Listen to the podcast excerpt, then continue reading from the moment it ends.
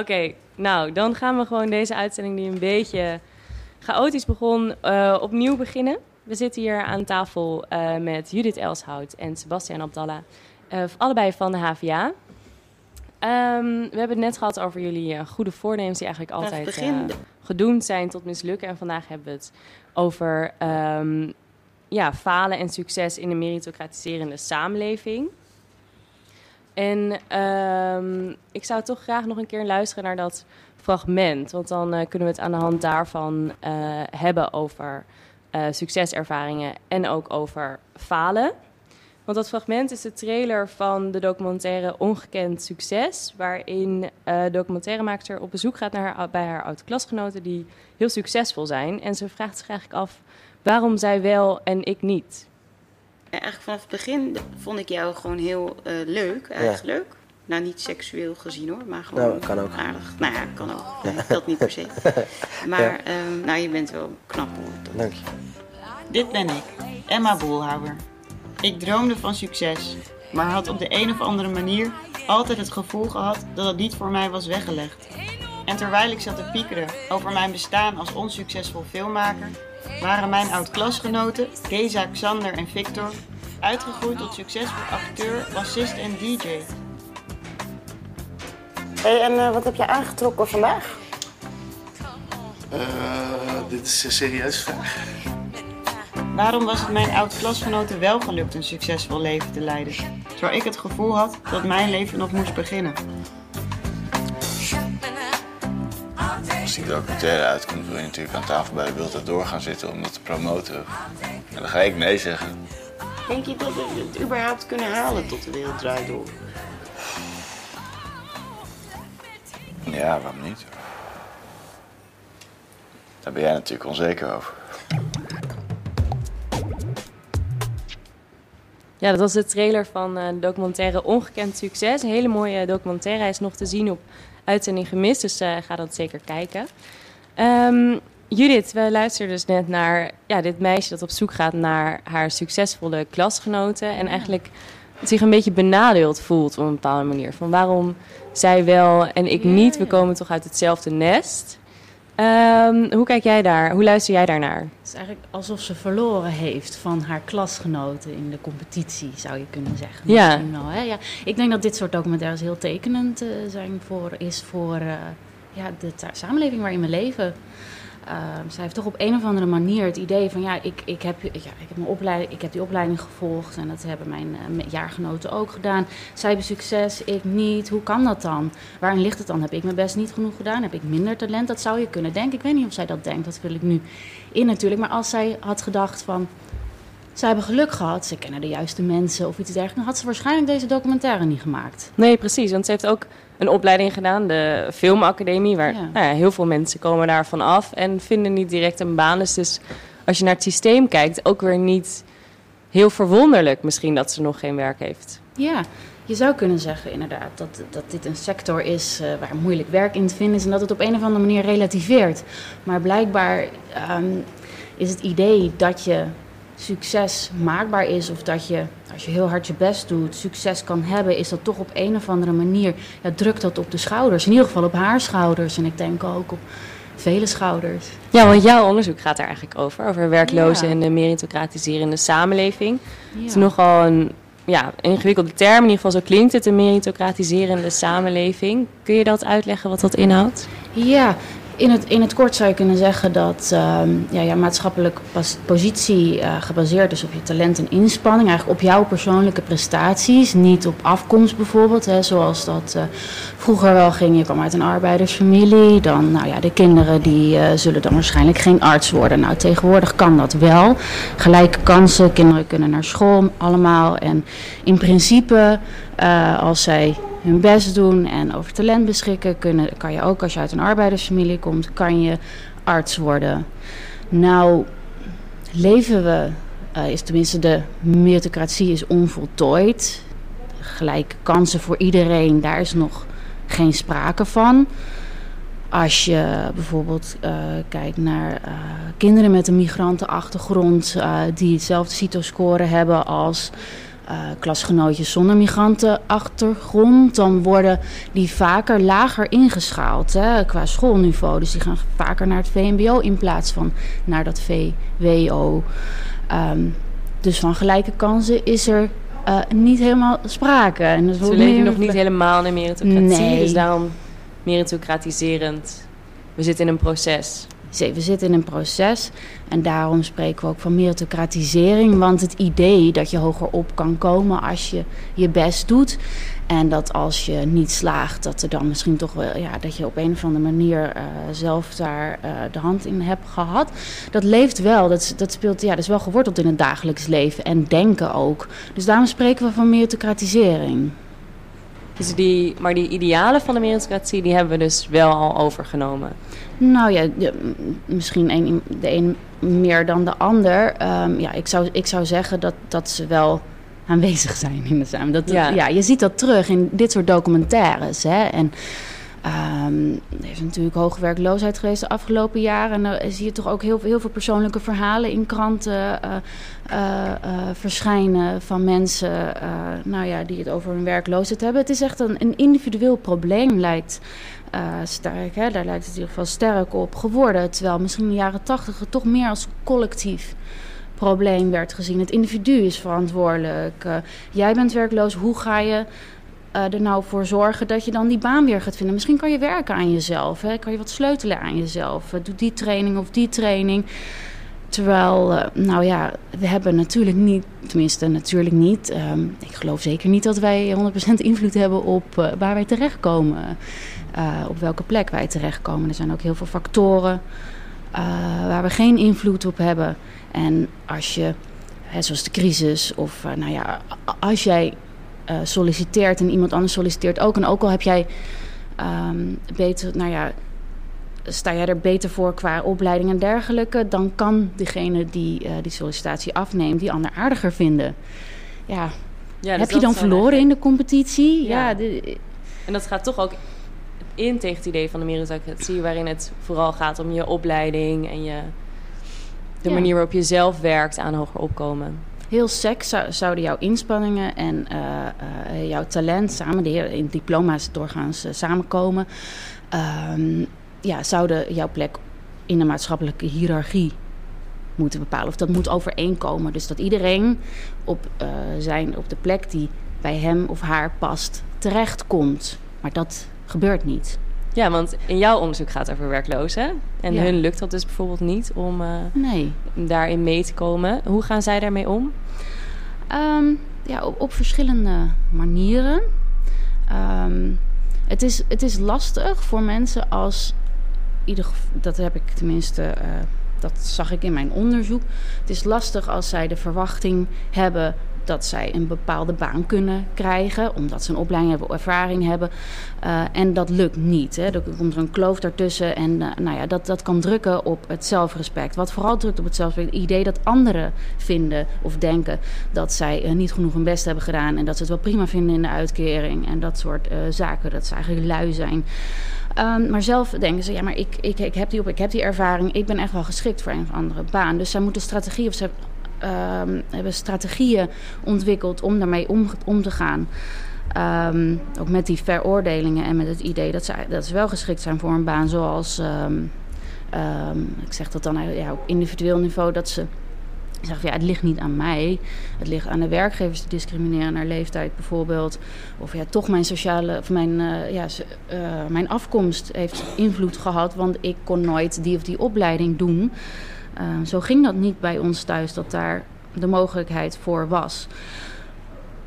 Op sociaal niveau zie je dat wat uh, de werklozen die ik heb gesproken ook vaak doen, is dat zij zich onderscheiden van het stereotype, de stereotype werklozen als lui en uh, nou ja, er weinig voor doet om een baan te vinden. En dat ze zeggen, ja, wij, wij zijn dat niet. Dat zijn andere werklozen die op de bank hangen.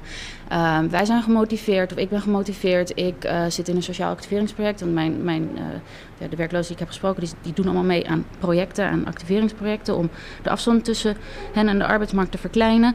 Um, dus dan zegt ze eigenlijk, ja, wij behoren niet tot die groep wat er dan gebeurt, ik weet niet of ik even door mag. Ja, ja. Nou ja dat is dus dat stigma eigenlijk dat er ook werklozen eh, ligt. Dus dat er is een idee van werkloosheid.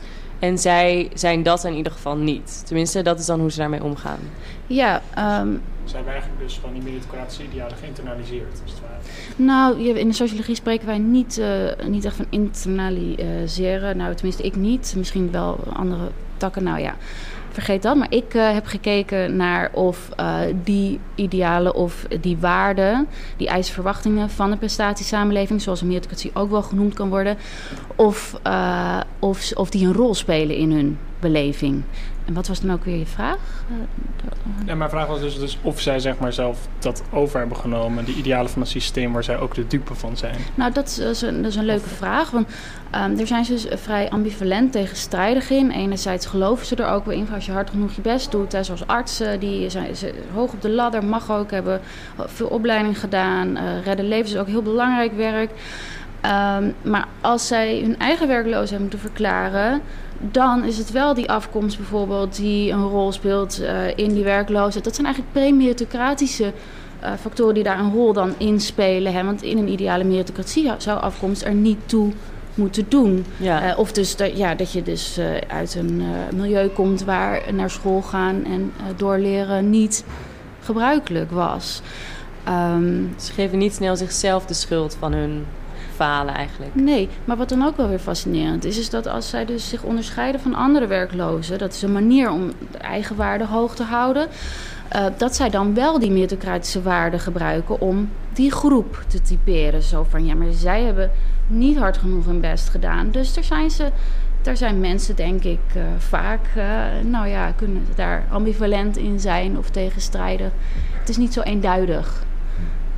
Nee, dus dan soms is het wel meritocratie en soms niet. Op de manier waarop mensen het toepassen. Dus soms is het wel... Nou, die andere werklozen, die uitkeringstrekkers... die zitten gewoon op de bank en doen Ja. hun best niet. Maar ik heb gewoon pech gehad, bijvoorbeeld. Ja, precies. Je zou, je zou kunnen zeggen, het is eh, vergelijkbaar met... eh, eh, je, je gebruikt het wanneer het je uitkomt en wanneer niet. Dat, dat zie je ook terug in het dagelijks leven. Als mensen succes hebben, is het prettig om te zeggen... nou, dat heb ik goed gedaan. En als, als je faalt, dat je toch zegt... als je die IKEA-kast in elkaar zet... ja, dat ligt aan die handleiding. Dus dan, hè, dan toch die... eh, Hm. eh, dat extern leggen. Dus dat is, dat is, dat is denk ik iets, dat, dat kan ik niet zeggen als socioloog, maar persoonlijk denk ik dat mensen dat wel vaker doen om hun eigen waarde te beschermen. Ja, want in een ideale meritocratie, als dat, stel dat we daar ooit komen, dus afkomst maakt niet meer uit en je werkt gewoon hard en dan kom je er wel. Wat is dan daarin de positie van werklozen? Want als we in het huidige systeem zitten, in het huidige economische systeem, zul je altijd werklozen blijven houden. Ja, ja. Ik weet niet precies wat je bedoelt, maar ik, ik, ga, ik ga proberen antwoord te geven. Want ik, ik, ik denk dat je bedoelt. Nou, enerzijds zou je kunnen zeggen, als er hoge werkloosheid is, kunnen mensen er steun aan ontlenen. Van oké, ik ben niet de enige. Zijn er eh, eh, meer die werkloos zijn? Het, het zou kunnen relativeren. Ehm, dat zag ik niet onder mijn respondenten. Hun positie heel kwetsbaar te zijn. Vooral omdat uh, zij niet kunnen voldoen aan hun eigen verwachtingen. Van een baan hebben uh, die bij hen past. Uh, maar ook niet aan de verwachtingen van nou ja, de samenleving, de maatschappij. Van anderen, anderen die denken van jij hoort gewoon een baan te hebben. Je hoort te werken. Handen uit de mouwen. Werk, werk, werk. Eh, alles draait in onze samenleving om werk. Misschien dat de columnist het er zo meteen ook ja, nog even over gaat, uh, over, over, gaat hebben. Werk is heel belangrijk. Uh, de norm van werk die, die drukt op al onze schouders, denk ik wel. Um, alternatieve verdiensten zoals onbetaald werk, vrijwilligerswerk, dat, dat, dat waarderen mensen over het algemeen wel. Maar levert dat ook maatschappelijke erkenning op? Meestal niet. Nee, in ieder geval mijn respondenten die vonden, die vonden het heel prettig om onbetaald werk te doen. Hè, omdat het uh, vaak zinvol werk is. Uh, ze worden gewaardeerd door de mensen nou ja, waar ze thuiskomen bijvoorbeeld om de administratie op orde te brengen. Maar uiteindelijk zeggen ze toch, ja, ik, ik wil een baan, want ik, ik wil geld verdienen. Want uh, nou, dat, heb ik geïnterpreteerd als van mensen die willen ook die maatschappelijke erkenning, waardering hebben. Dan kunnen ze een duurzaam zelfrespect opbouwen. En dat heeft te maken met die norm van werk. Als wij meer uh, ook die alternatieve verdienen, zoals altijd vrijwilligerswerk bijvoorbeeld, als we dat meer zouden waarderen als samenleving als geheel en ook in beleid, hè, dat het oké okay is als je werkloos bent, dat je er onbetaald werk doet, um, dan is het mogelijk dat, dat, dat mensen dat ook, uh, nou ja, als, als het dus serieuzer wordt genomen, eh, dat mensen daar ook meer waardering aan kunnen ontlenen en wellicht ook maatschappelijke ar- waardering. En dus ook uiteindelijk zelfrespect. Ja, precies. Ja, ja, ja, ja. Ja, zelfrespect, dat heb ik. ehm, ik heb dat zo gebruikt in mijn onderzoek. ehm, als, ehm, ik heb tenminste, ik heb gekeken naar op welke, wat de bronnen zijn. eh, die mensen, waarop mensen zichzelf waarderen. Dus waarderen zich, dus dat, dat kan je zeggen, daar, daar kan je zelfrespect aan ontlenen. Dus waardeer jij jezelf omdat je loyaal bent, omdat je veel geld verdient. En eh, eh, nou ja, zo heb ik dat, dat onderzocht. Ja. Gewoon een soort pijlers van zelfrespect. Ja, je kan indicatoren kan je uit literatuur eh, lei- herleiden. Ehm, zoals eh, vernedering, schaamte, trots. Dat zijn indicatoren of afwijzingen, afgewezen voelen. ehm, die erop kunnen duiden dat mensen zichzelf in meer of mindere mate eh, respecteren. Ja. Ehm, en je sprak net over dat geld toch wel belangrijk is. Een geldelijke, ehm, eh, ja, dat je geld verdient en dat onbetaald werk ook in het oog van de werklozen niet op hetzelfde niveau staat. Ja. Ehm, als ik dat doortrek, dan zou een basisinkomen geen goed idee zijn. Of geen structurele, duurzame oplossing voor behoud van zelfrespect van mensen. Want dan krijgen ze nog steeds geen geld voor werk. Ze krijgen gewoon Ja. automatisch geld. Klopt dat? Of- Ja, dat is wel leuk dat je daar eh, naar vraagt of dat je dat opmerkt. Want dat, dat is inderdaad iets wat ik ook in mijn proefschrift, waar ik op ingegaan ben. Ehm, het is natuurlijk een, een heel eh, mooi idee, dat, dat basisinkomen. En ik denk ook zeker dat het prettig is voor mensen die geen baan hebben, dat zij ehm, zich kunnen onttrekken van disciplinerende maatregelen. Waar die nu, eh, zoals de tegenprestatie en dergelijke, dat, dat voelen, ervaren mensen als vernederend. Dus of een uitkering zonder die maatregelen of een basisinkomen, dat, eh, dat, dat zal al heel erg veel helpen. Maar ik denk inderdaad, op basis van de interviews die ik heb gedaan, dat mensen het toch heel prettig vinden om beloond te worden. Niet omdat ze per se dan eh, meer eh, brood voor op de plank kunnen kopen, maar omdat geld staat ook voor immateriële waardering. Het laat ook zien dat een werkgever jouw verdiensten eh, waardeert en jij komt daardoor je verplichting naar, naar de werkgever. Het laat ook zien dat jij in vergelijking tot anderen die hetzelfde werk doen, wordt gewaardeerd. Mensen vonden het eh, vernederend als ze het hadden over het vrijwilligerswerk, dat ze dan, of het onbetaalde werk dat ze al langer deden. Dat ze op een gegeven moment zeiden: ja, maar iemand anders krijgt daarvoor betaald. En dan kan je denken: oh god, wat oppervlakkig. eh, het is toch hartstikke waardig allemaal dat, eh, het onbetaalde werk dat je doet. Nee, maar dat ging, dat ging niet om het geld aan zich of het materie, immateriële dingen. Het ging om de waardering. Waarom krijgt mijn, mijn buurvrouw daar wel voor betaald? Doet zij het beter? Dus ja, dat. dat het is heel belangrijk om eh, geld dus niet alleen in materiële zin op te vatten, maar het heeft ook een immateriële betekenis. Ik denk inderdaad, om op het basisinkomen te komen, ik zou verwachten dat als wij een basisinkomen, eh, nou, als dat ingevoerd hier zijn, dat mensen toch op een of andere manier, als zij onbetaald dan eh, werk eh, doen, dat het op een gegeven moment misschien gaat steken, toch wel, dat een ander daar wel een extraatje voor krijgt. Ja. Ja. Dus ik, ik denk, ik ben het met je eens. Eh, dat, Ja. Ik heb mijn twijfels over of dat. eh, Zou werken. ja, Voor Ja. het zelfrespect dan tenminste. wat wel heel belangrijk is, is dat inderdaad die disciplinerende maatregelen eh, niet, dat, die, dat die dan weg zijn. Hè? Ja. Zoals een tegenprestatie. Want dat gedwongen werken, dat ervoeren de mensen die ik heb gesproken echt, echt als een aanslag op hun waardigheid. Omdat ze daardoor het idee kregen dat in beleid eh, dat eh, nou, andere mensen eh, in de samenleving eh, hen ongemotiveerd vinden. Daarom een trap onder hun kont nodig. Eh, zeggen, we hebben geen trap onder ons, wij willen tegenprestatie, heel dat- graag. Dat werkt zodat je dus vrijwilligerswerk doet en daarvoor je uitkering mag behouden. Ja, je doet werk en je, in ruil voor je uitkering. Ja, dus je zou eigenlijk denken dat je daardoor juist wel geld krijgt voor vrijwilligerswerk bijvoorbeeld. Maar zo voelt het dan dus niet. Nee, zo, inderdaad, zo wordt het absoluut niet ervaren. Ehm, het is ook niet zo dat jij in dienst bent bij een werkgever die denkt: Oh, wat fijn eh, dat jij dit werk voor me doet, daar beloon ik jou voor. Nee, jij moet dit werk doen omdat je dankbaar moet zijn, omdat je een uitkering krijgt. Dat is een totaal andere beleving. Ja. ja, en zeker dus als het gaat om zelfrespect, om waardering, krijg je dat op die manier niet. Nee, het werkt eh, echt, echt contraproductief. Ja, Ja. En is naar het, mijn idee. ja, want dit is dan iets heel duidelijks er eigenlijk uit jouw onderzoek komt. Is het iets waar, weet je, of de overheid hier ook mee bezig is? Of zijn ze juist, gaan ze juist die andere kant op?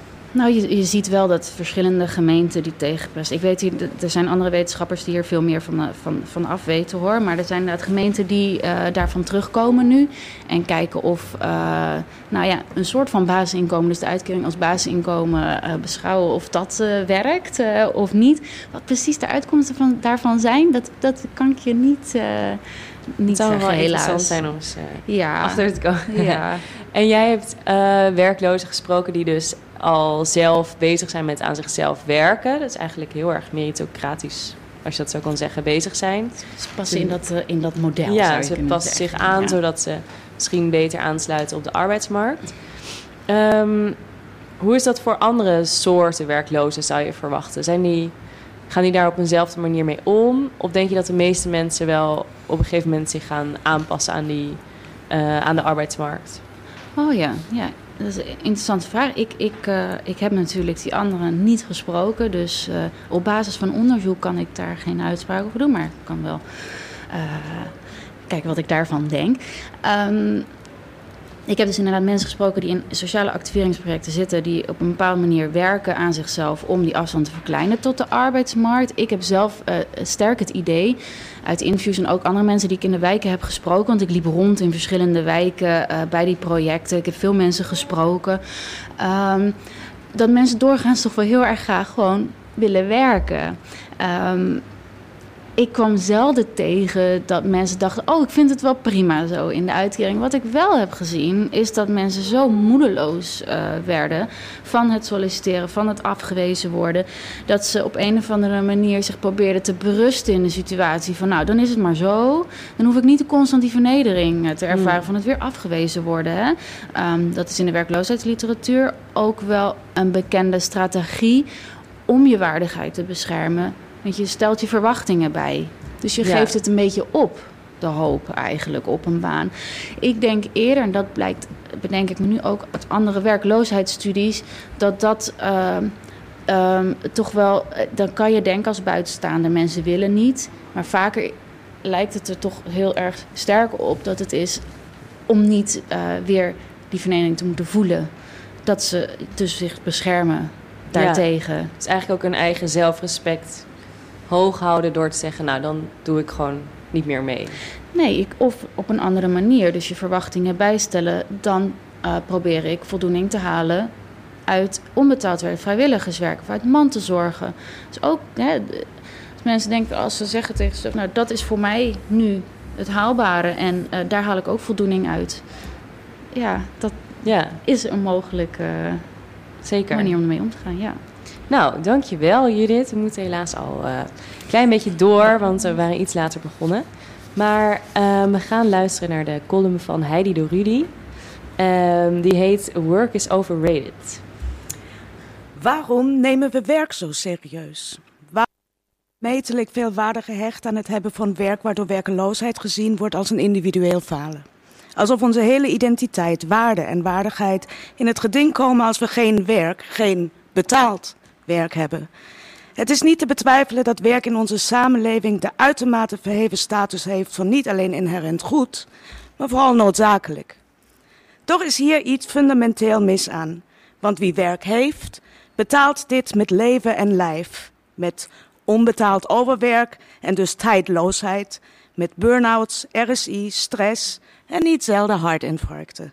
En wie werkeloos is, heeft dan wellicht tijd, maar is ongelukkig, omdat de maatschappij hen, naar het heet, niet meer nodig heeft. We lijken zozeer te houden van ons werk, van alles wat daaraan vastzit, dat we er bijna alles voor over hebben om het te verkrijgen. Bij gevolg zijn we doodongelukkig als we het verliezen. Het punt is dat het leven niets anders is dan tijd. Het is de begrensde tijd die ieder individu heeft op aarde.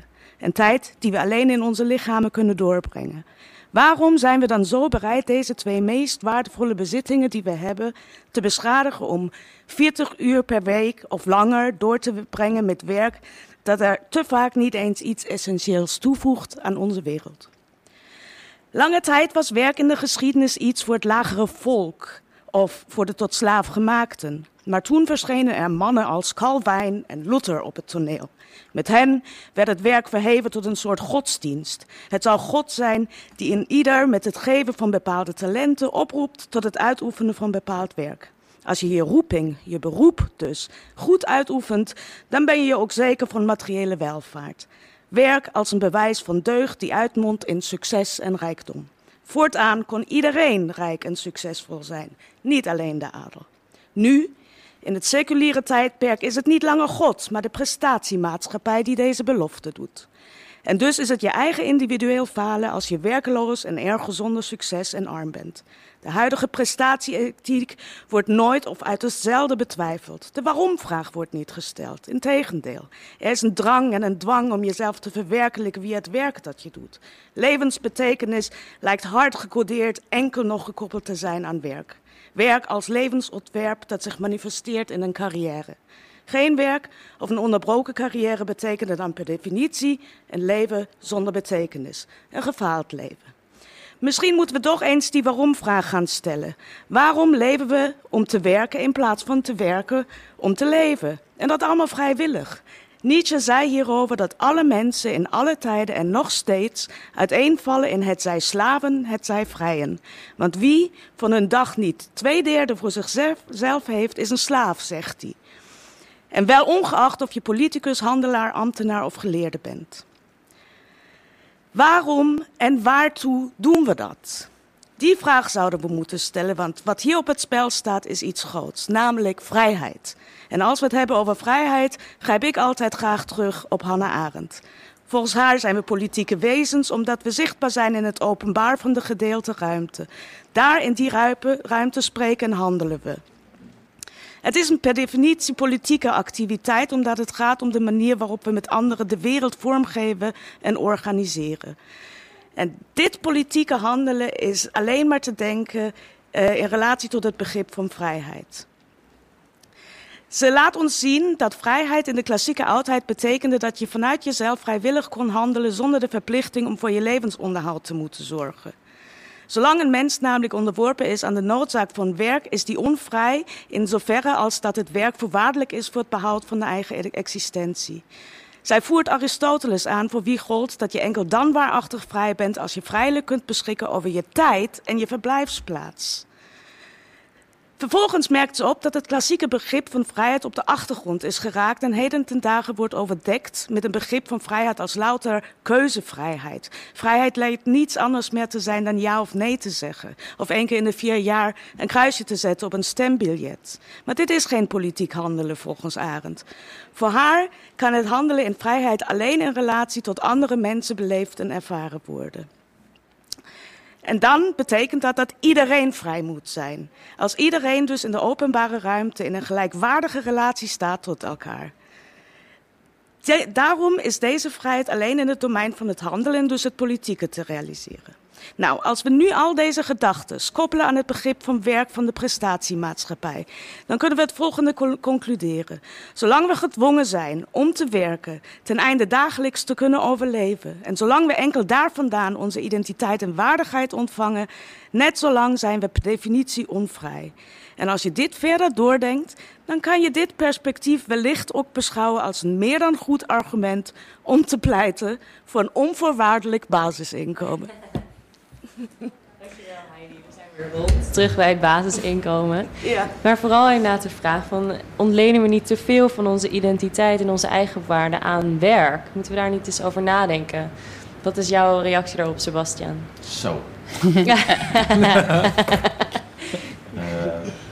nou, ik denk zeker dat we veel van onze identiteit ontlenen aan, uh, betaald werk. Dus uh, daar kan ik goed, goed inkomen. Ja, als je het eh, koppelt aan basisinkomen. Kijk, het idee, het idee dat mensen denken van... Ehm, eh, ja, dat, dat helpt niet, want dan gaan we... Uh, we gaan toch vergelijken in hoe worden mensen beloond. dat is natuurlijk... dat klopt natuurlijk, maar ik denk dat, het, dat pleiters voor het basisinkomen juist zeggen van...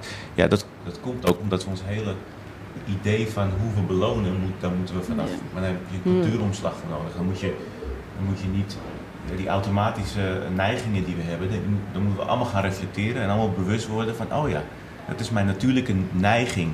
Dus dat ik in een, in een bonus of in een loonsverhoging, dan voel ik me echt gewaardeerd. Ja. En het idee is volgens mij dat als je dan een basisinkomen hebt en dan ga je gewoon doen wat je mooi vindt, dat je dan daar niet meer zo naar gaat kijken. Ja, en daar zit natuurlijk, uh, daar wringt het enorm. Want wanneer gaan mensen stoppen met kijken naar geldelijke beloning als de echte beloning? Ja, dan moet je toch van die prestatiemaatschappij af eigenlijk. Ja, want aan de, aan de ene kant, als, uh, als, hè, als mijn leidinggevende tegen mij zegt van... Uh, jij krijgt zoveel loonsverhoging, want we waarderen je zo en we vinden het zo mooi wat je doet... dan ben ik blij. En, dan, en als ik dan hoor dat iemand anders een net hogere loonsverhoging kreeg dan betekent mijn loonsverhoging in één keer minder. En dan geloof ik opeens net iets minder wat hij tegen mij heeft gezegd. Ja. Aan de andere kant, als, als, als hij een brief naar mijn richting opgooit en zegt van, die jongen, een bonus. En die bonus is 5000 euro. Dan gaat het toch wringen de manier waarop hij die brief zo mijn richting gooide. En een, beetje, een, beetje, een beetje afdoet als van, hier heb jij ook wat. Terwijl de geld beloning. Hè, ik ben docent bij de HVA. Ik zal nooit een bonus van 5000 euro zien. maar dan, gaat, dan gaat het toch daar weer wringen. Ja, dus, dus het is niet alleen het geld, maar het is ook hoe we het symbolisch maken. hoe we dus zorgen dat het iets betekent. Dus ik herkende enorm wat uh, Judith vertelde over hè, uh, dat idee van ehm, ehm, iemand doet ergens werk en dat vindt hij mooi werk, maar krijgt betaald via nou, hoe heet ze tegenwoordig? Uh, de sociale dienst. TWI. TWI. Um, um, uh, dat hoeft niet een probleem te zijn. Maar het hele idee dat je aan alle kanten wordt bejegend als iemand die dankbaar moet zijn dat hij iets mag doen, mm -hmm. dat gaat natuurlijk helemaal in tegen dat de ander dankbaar is naar jou toe dat jij werk doet. Dus dan kom je in een interactie terecht waarin jij steeds de underdog-positie hebt. Ja, dus dan is het misschien ook moeilijker om bijvoorbeeld trots te zijn op wat je doet. Ja, die, die, die gelegenheid krijg je niet. Nee. Want je zit, je zit steeds van, eh, en dankbaar zijn, hè? En, uh, ja. en, uh, want, want dit doen wij allemaal voor jou. Ja. wij maken het mogelijk voor jou dat jij betekenis kan hebben. En dat is, bij mij, dat is in mijn geval ook zo op school. Maar het wordt nooit zo tegen mij gezegd. Nee, precies. Dus dat is het verschil bij inderdaad werklozen die is, ja. nou, vrijwilligerswerk mogen doen zoals ze dat dan inderdaad zeggen. Dus, dus de bejegening, daar zit al heel veel in. Ja. ja. En Judith, nog een korte reactie van jou op de column van Heidi. Het ging natuurlijk over de prestatiemaatschappij. Dat is eigenlijk hetzelfde als in de samenleving. Ja, ik vond het een prachtige column. Dat, uh, dat wilde ik wel even gezegd hebben. En ik, ik vond het wel mooi hoe je afsloot uh, met het uh, onvoorwaardelijke basisinkomen. Maar eigenlijk ook, ja, Sebastian heeft er heel duidelijk uitgelegd. Ehm, nou ja, dat daar heel veel voor nodig is. willen mensen daar dan ook, ja tevreden mee zijn? En zullen ze dan niet weer onderscheid gaan maken op een bepaalde manier? En daar heb je inderdaad een cultuur ja, ik, ik steek dat echt in als ja. de tijd. Tijd is mijn leven en, en ik moet de vrijheid. Ik wil de vrijheid. Ik eis de vrijheid om te beschikken over mijn eigen tijd. Ja. ja. En ik zou, ik zou het fantastisch vinden om een basisinkomen te hebben. Want dan kan ik die dingen doen die ik echt leuk vind. Zoals bijvoorbeeld hier op de radio columns voordragen. Want, en, en, of boeken schrijven of wat dan ook. Maar ik ben verplicht, gedwongen door de maatschappij, door de samenleving, om voor mijn dagelijks overleven geld te verdienen. Voor mijn dak ja. over mijn hoofd, voor mijn dagelijks brood wat ik nodig heb. En, en, dat is die onvrijheid. En ik denk dat je met zo'n basisinkomen wel die, die vrijheid krijgt. Dat is, ja, dat is heel mooi. Dat, ik, ik denk dat je daar ook uh, een heel mooi punt hebt. Maar stel dan, je, hebt, je bent aan het schrijven, een mooi boek aan het schrijven. En uh, nou ja, een vriendin van jou, een vriend van jou is ook een mooi boek aan het schrijven. En die krijgt er dan een beloning voor. Of Nee, het gaat, die geeft het uit het bij een uitgever. En iedereen, ieder mens met de geboorte het recht heeft op een onvoorwaardelijk basisinkomen. En daar zijn we allemaal gelijk in. Dat krijgen we allemaal tot aan onze dood. En als je daar verder zelf nog extra bij wilt verdienen en werk doet, prima. Maar de basis is voor iedereen gewoon gelijkwaardig geregeld. Ik denk, daar kan je niks tegen hebben. nou, het is duidelijk in ieder geval wat Heidi vindt. Maar inderdaad, wat Judith zegt, wat, wat gebeurt er met die bonussen? Misschien komt er dan toch weer ongelijkheid? Of heb je toch het gevoel van, nou, iemand anders krijgt wel ook nog 1000 euro voor dat boek. Of iemand anders krijgt meer bonus dan ik. Ontstaat er toch weer een ander beloningssysteem. Maar voordat het helemaal een politieke discussie wordt, gaan we praten met uh, Sebastian Abdallah ook hier aan tafel. Hij doet, jij doet onderzoek naar uh, succeservaringen bij jongeren en dan met name jongeren in een achterstandssituatie. Ja, klopt. Kun je uitleggen wat dat is, een succeservaring? We hebben het net even gehad over falen. We gaan nu uh, over naar succes. Mm -hmm. Ja. Ehm, nou, toen ik in het jongerenwerk zat, toen ehm, was, ik aan, was ik op zoek naar wat zou ik als onderzoek kunnen doen. Want ik wilde dus, ik had onderzoek gedaan en dat vond ik leuk, dus ik wilde ermee door. En toen dacht ik, als ik naar de meerwaarde kijk van jongerenwerk, dan zit het niet per se in hoeveel mensen ze toeleiden naar werk en school of stage. Als je ons daar in die tijd op had afgerekend, dan, uh, hè, dan ja, het lukte ons af en toe wel. Maar toch vond ik dat we heel betekenisvol werk deden. En dan dacht ik, waarom vind ik dat en waarom ervaar ik dat ook van die jongeren? Dat zij het ook als heel mooi ervaren wat wij doen. Terwijl we, ja, als je het echt hebt over die uh, maatschappelijke kansen zoals we ze doorgaan zien in werk, school en stage dan, dan waren we daar niet, uh, kon je ons daar niet op afrekenen. En toen kwam ik met een, uh, met een collega eigenlijk op het, op het idee van een succeservaring. En uh, dus dat mensen iets gaan voelen, mensen gaan iets ervaren. Dus, en dat, dat ben ik gaandeweg steeds meer gaan uitwerken. Dus tegenover dat idee van een baan, geld, gezin, dat is succes als je dat hebt. Of het idee van, ik heb een idee over wat succes is, dus ik wil dat. Hè, dus het verstandelijke dat er een enorm gevoel zit bij mensen. Ik voel me succesvol. En dat dat heel erg doorslaggevend is voor blijvend succes. Ehm, dus ik onderscheid het in. Ik schrijf in het Engels. Uh, ik onderscheid het in boosting, elevating en grounding. En een boost is wanneer je echt even de eigenaar bent van een moment. En dat je uh, enorm, enorm succesvol voelt. En dat kan uh, een doelpunt scoren, op het veld zijn. Het kan een mooi optreden zijn. Um, op een podium qua muziek. Het kan, maar het kan ook een tentamen halen zijn. Je staat echt even, je voelt jezelf in het zonnetje gezet, hoewel niemand misschien letterlijk een schijnwerper op je zet. Je denkt van, dit moment is van mij en het pakt niemand mij af. Nou, elevating, dan, dan voel je je wat meer verheven boven je omstandigheden. Dus waar een boost wat meer um, iets van een moment is, is elevation, je verheven voelen boven je omstandigheden. Dat je, je krijgt ook meer het idee, behalve het gevoel van, uh, ik kan ergens komen in mijn leven. En grounding is dan dat je ook ergens toebehoort. Dat jouw succes eigenlijk ergens wortel schiet in een omgeving en dan vooral met mensen om je heen. En daar zit die, en de spanning in de ervaring zit dan tussen ja, elevation is dus ergens komen in je leven en grounding is wortel schieten ergens. Nou ja, in de beweging zit al een spanning, want hmm. ergens komen en ergens blijven kan niet alle twee tegelijk. Dus dan krijg je, krijgen jongeren moeilijkheden in. Oké, mijn succes zit op dit moment op andere plekken dan waar ik uh, oorspronkelijk vandaan kom. Dus misschien mijn buurt, op de hoek waar ik altijd hang, of de school waar ik altijd op zit. Ik moet nu vaker naar die plekken toe die mij echt succes bieden qua ervaring. En uh, dat betekent iets achter me laten. Nou, sommige jongeren doen dat heel goed. Dus die zeggen ofwel, uh, ik ga helemaal voor mijn succes, dus ik ga gewoon nooit, nooit meer op die straathoeken hangen. Uh, want het, dat, daarmee verdoe ik mijn tijd. En anderen blijven teruggaan en die hebben dan of moeite, want dan worden ze door hun vrienden of door hun ouders in hun oude situatie, uh, wordt hun succes niet erkend of wordt als vreemd gezien. um, of ze zeggen gewoon, uh, ik heb gewoon twee levens. Dus ik heb een leven ja. op de straathoek en bij mijn ouders thuis. En ik weet hoe ik me daar moet gedragen om daar normaal gevonden te worden. Maar ondertussen uh, bijvoorbeeld op de voetbalclub of, uh, of in een muziekgroep of, of op een opleiding die, die wereldvreemd is voor mijn omgeving. Dat doe ik, ben ik gewoon even iemand anders om daar succes te boeken. En die succeservaring is dus iets anders dan wat je eerst zei van waar we als maatschappij succes aan meten, zoals opleiding, um, werk, het is niet, gezin. Ja, het is niet per se hetzelfde. Uh, dus het is, niet, het is ook niet per se iets totaal anders. Want mensen zitten toch in frames, in, in denken toch binnen kaders van uh, dit, is, dit is volgens mij succes. Uh, alleen, alleen soms dan ervaren jongeren een enorm plezier, voldoening ehm, en een toenemende mate van beheersing van hun leven. En dat voelen ze in dingen die ze niet, waarvan ze voorheen niet hadden gedacht van dit is mijn succes.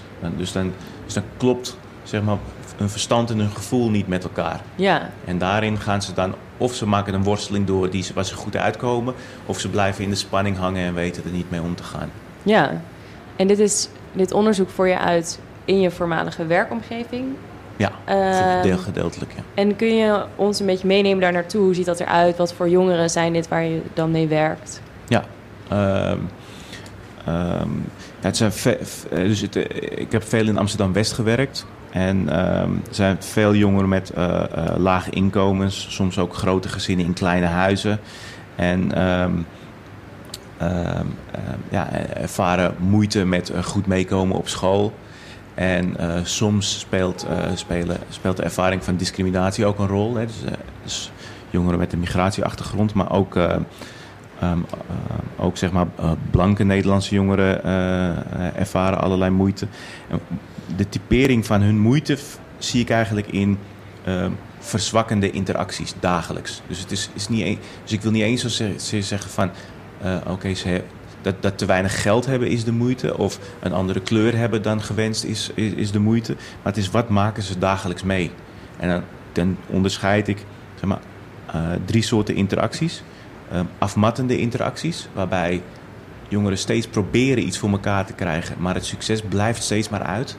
En dan voelen ze dat instituties als school of werk hun belofte doen van je kunt verder komen als je je best doet.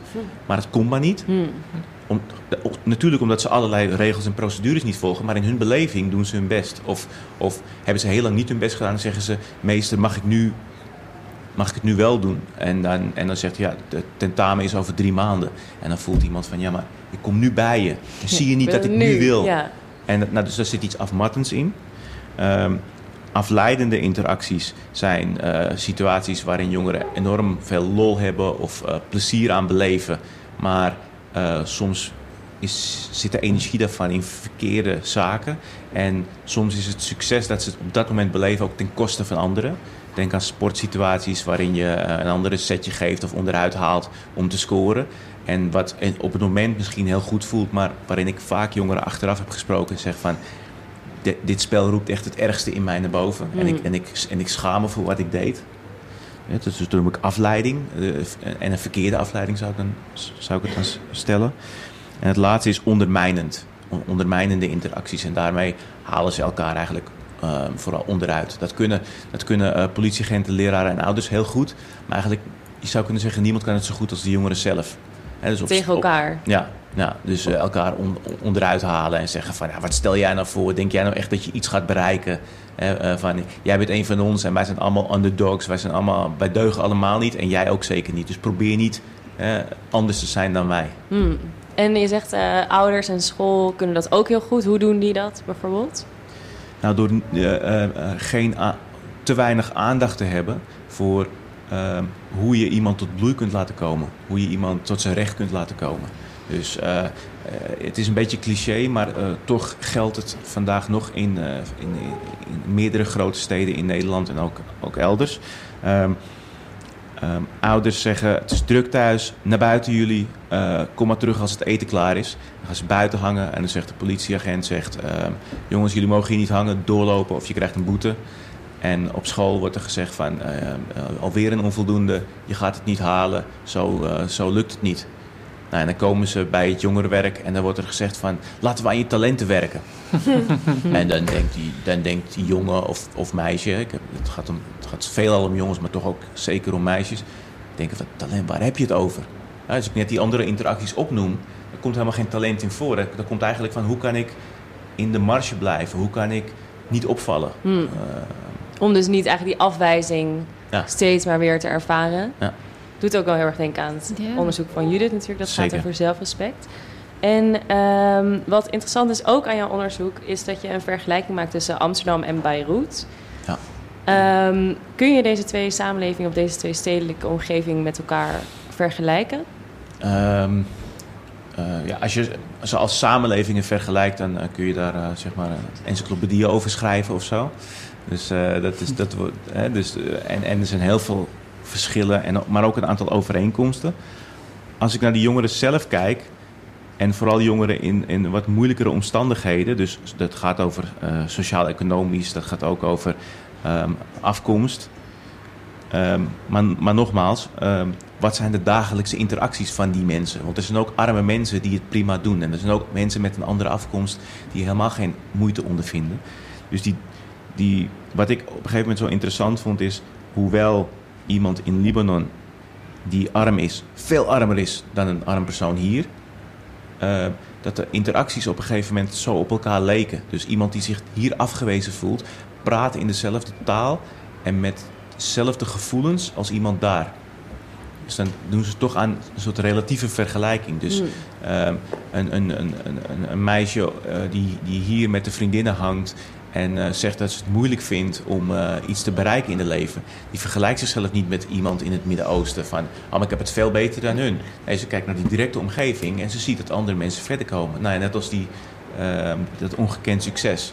Ja. Ze, ze, ze kijkt niet naar eh, dat ze het tien keer beter heeft dan heel veel filmmakers in, weet ik veel waar. Ja, dus die relatieve vergelijking roept Hm. vergelijkbare gevoelens en zelfs taal op de manier waarop ze erover praten. Dus praat in, in een soort fatalisme.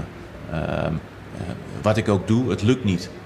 Ik kom niet, voor, ik kom niet vooruit en ze helpen me niet. Ze, ik, eh, ik klop aan, ze zeggen dat ze er voor me zijn, maar ze doen het niet. Ja, dus eigenlijk wat we... Nou, komen we weer eigenlijk een beetje aan het begin bij die meritocratische samenleving. Voor hun werkt dat dus niet. Dat harde werken en het idee dat je, nou, dat je gewoon moet werken voor je positie in de samenleving. Dat lukt hun eigenlijk niet. En juist doordat ze daar steeds op worden gewezen, eh, komen ze er ja. steeds minder... Ja, het zijn idealen. Hè? Dus de idealen worden ons heel goed voorgeschoteld. En worden ons van alle kanten, hè, eh, politiek, media, school, eh, werkgevers, die, die, die, houden die ideaal allemaal voor. En die, die, die maken we ons eigen. Ehm, en dan is het heel frustrerend als het niet lukt. Ja, Het, het, een, een verschil met Libanon is misschien nog wel dat het daar nog wat, wat veel explicieter is, is welke connecties heb je. oh ja. Dus Dus wat het is die- nog belangrijker wie je kent. Ja, ja dus daar, daar, daar me- mengen eigenlijk die mer- meritocratische idealen met wie kent wie. Dat, dat netwerkdenken. ehm, maar, maar niet een soort. Het is niet een heel.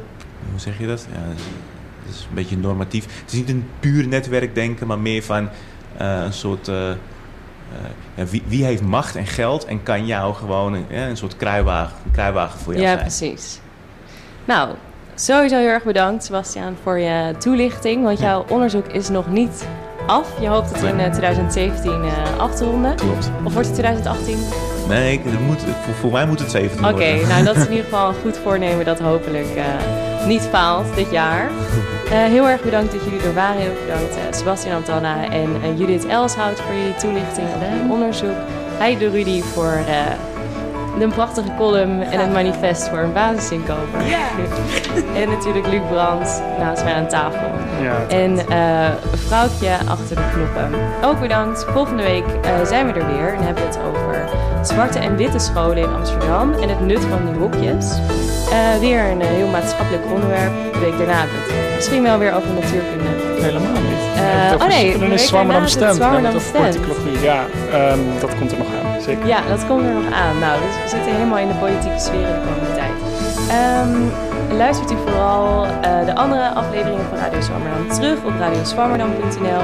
Volg ons verder via Twitter en Facebook. En u zou ons heel erg helpen door een reactie achter te laten op iTunes, op onze podcast. En abonneert u ook vooral. Eh, voor nu wens ik u nog een hele fijne zondag en tot volgende week.